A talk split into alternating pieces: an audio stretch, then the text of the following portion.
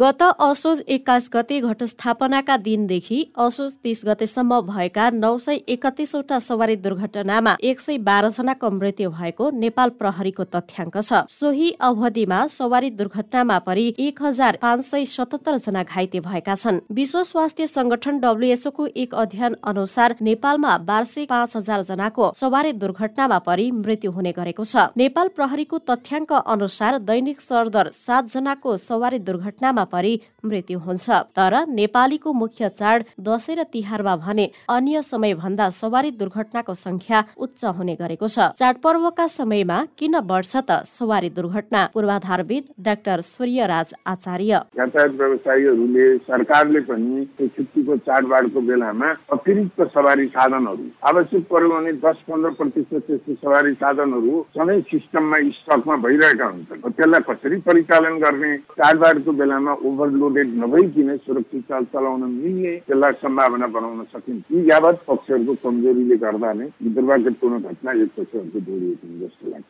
सवारी साधनको नियमित जाँच र मर्मत नगर्नु निकै पुराना गाडी चलाउनु बाटो सुहाउँदो यातायातको साधन नहुनुले पनि दुर्घटना बढिरहेको छ। तर यातायात व्यवसायी भने यान्त्रिक समस्या र त्रुटिलाई स्वीकार्न तयार छैनन्। यातायात व्यवसायी राष्ट्रिय महासंघका महासचिव सरोज सिटौला भने कमजोर सडक पूर्वाधारका कारण सवारी दुर्घटना बढेको तर्क गर्नुहुन्छ। पश्चिमाञ्चलको जो सवारी छ अत्यन्त जीर्ण सडक र तपाईँले दिने कर्णाली प्रदेशमा सुदूरपश्चिमका क्षेत्रमा हेर्नुभयो भने सडककै कारणले दुर्घटनाहरू भएको छ। इभन त्यहाँ चालकको मृत्यु भएको छ तपाईँहरूले बुझ्नु भएको छ। म एक्लैलाई भन्दिनँ त्यहाँ हाम्रो पनि आफ्नो नम्बर लाग्न सक्छ। सबैको कमी कमजोरीको कारणले दुर्घटना भएको छ यसलाई सदारुताका साथ सच्याउनको लागि अनुरोध गर्न चाहन्छु। सडकको वैज्ञानिक अध्ययन बिना नै यातायात सञ्चालनको इजाजत दिनु ग्रामीण सडकमा इजाजत बिना नै सवारी साधन चलाउनुले पनि दुर्घटनालाई बढुवा दिएको पूर्वाधारविद डाक्टर आचार्यको भनाइ छ। हाम्रो सडक पूर्वाधार नै असुरक्षित छ। त्यो सडक पूर्वाधारलाई न्यूनतम एउटा सुरक्षाको ग्यारेन्टी भएपछि मात्रै चाहिँ त्यसमा चाहिँ तपाईँको ट्राफिकलाई खुला गर्नुपर्ने हो। त्यसपछि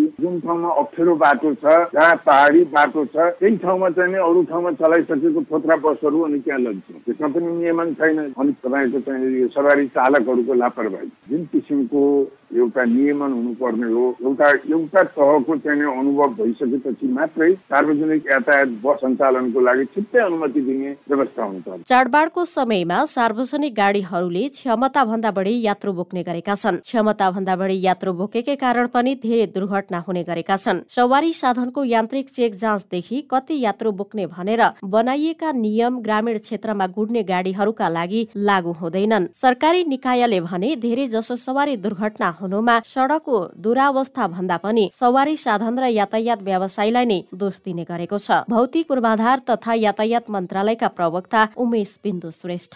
सडकको कारणले दुर्घटना हुने भने चाहिँ अलि रियरै हुन्छ। मेन हाम्रो रेकर्डले के देखाएको छ भने मेन चाहिँ ओभर स्पिडिङ हो होइन? यातायात व्यवस्था सम्बन्धी नियमहरू पालना नगर्नाले ड्राइभरको लापरवाही त्यो देखाएको छ। सरकारले मात्र गर्न सक्दैन सबैले आफ्नो आफ्नो क्षेत्रमा गर्नु पर्यो। एउटा पक्षको मात्र यसको एक्सटेन्ट भयो उसको कारणले भनेको हुँदै हुँदैन। सवारी दुर्घटना सडकसँग जोडिएको विषय हो। व्यावहारिक र वैज्ञानिक सडक बनाउने कुरामा ध्यान दिने सँगै सडक सुरक्षाका लागि आवश्यक संरचना निर्माणमा कन्जुस्याई गरिँदा पनि दुर्घटना बढिरहेका छन्। सवारी दुर्घटना न्यूनीकरण गर्न दुर्घटनाका कारण पत्ता लगाएर तत्काल समाधानको कदम चाल्न आवश्यक छ। सडक दुर्घटनाबाट भइरहेको जन धनको क्षति रोक्न सडकको स्तर र प्रयोगकर्ताको प्रवृत्ति सुधार्दै नीति नियमलाई समयानुकूल परिमार्जन तथा प्रभावकारी कार्यान्वयन गर्नु अपरिहार्य छ। रेडियो क्यान्डिडका लागि समीसा मोधे।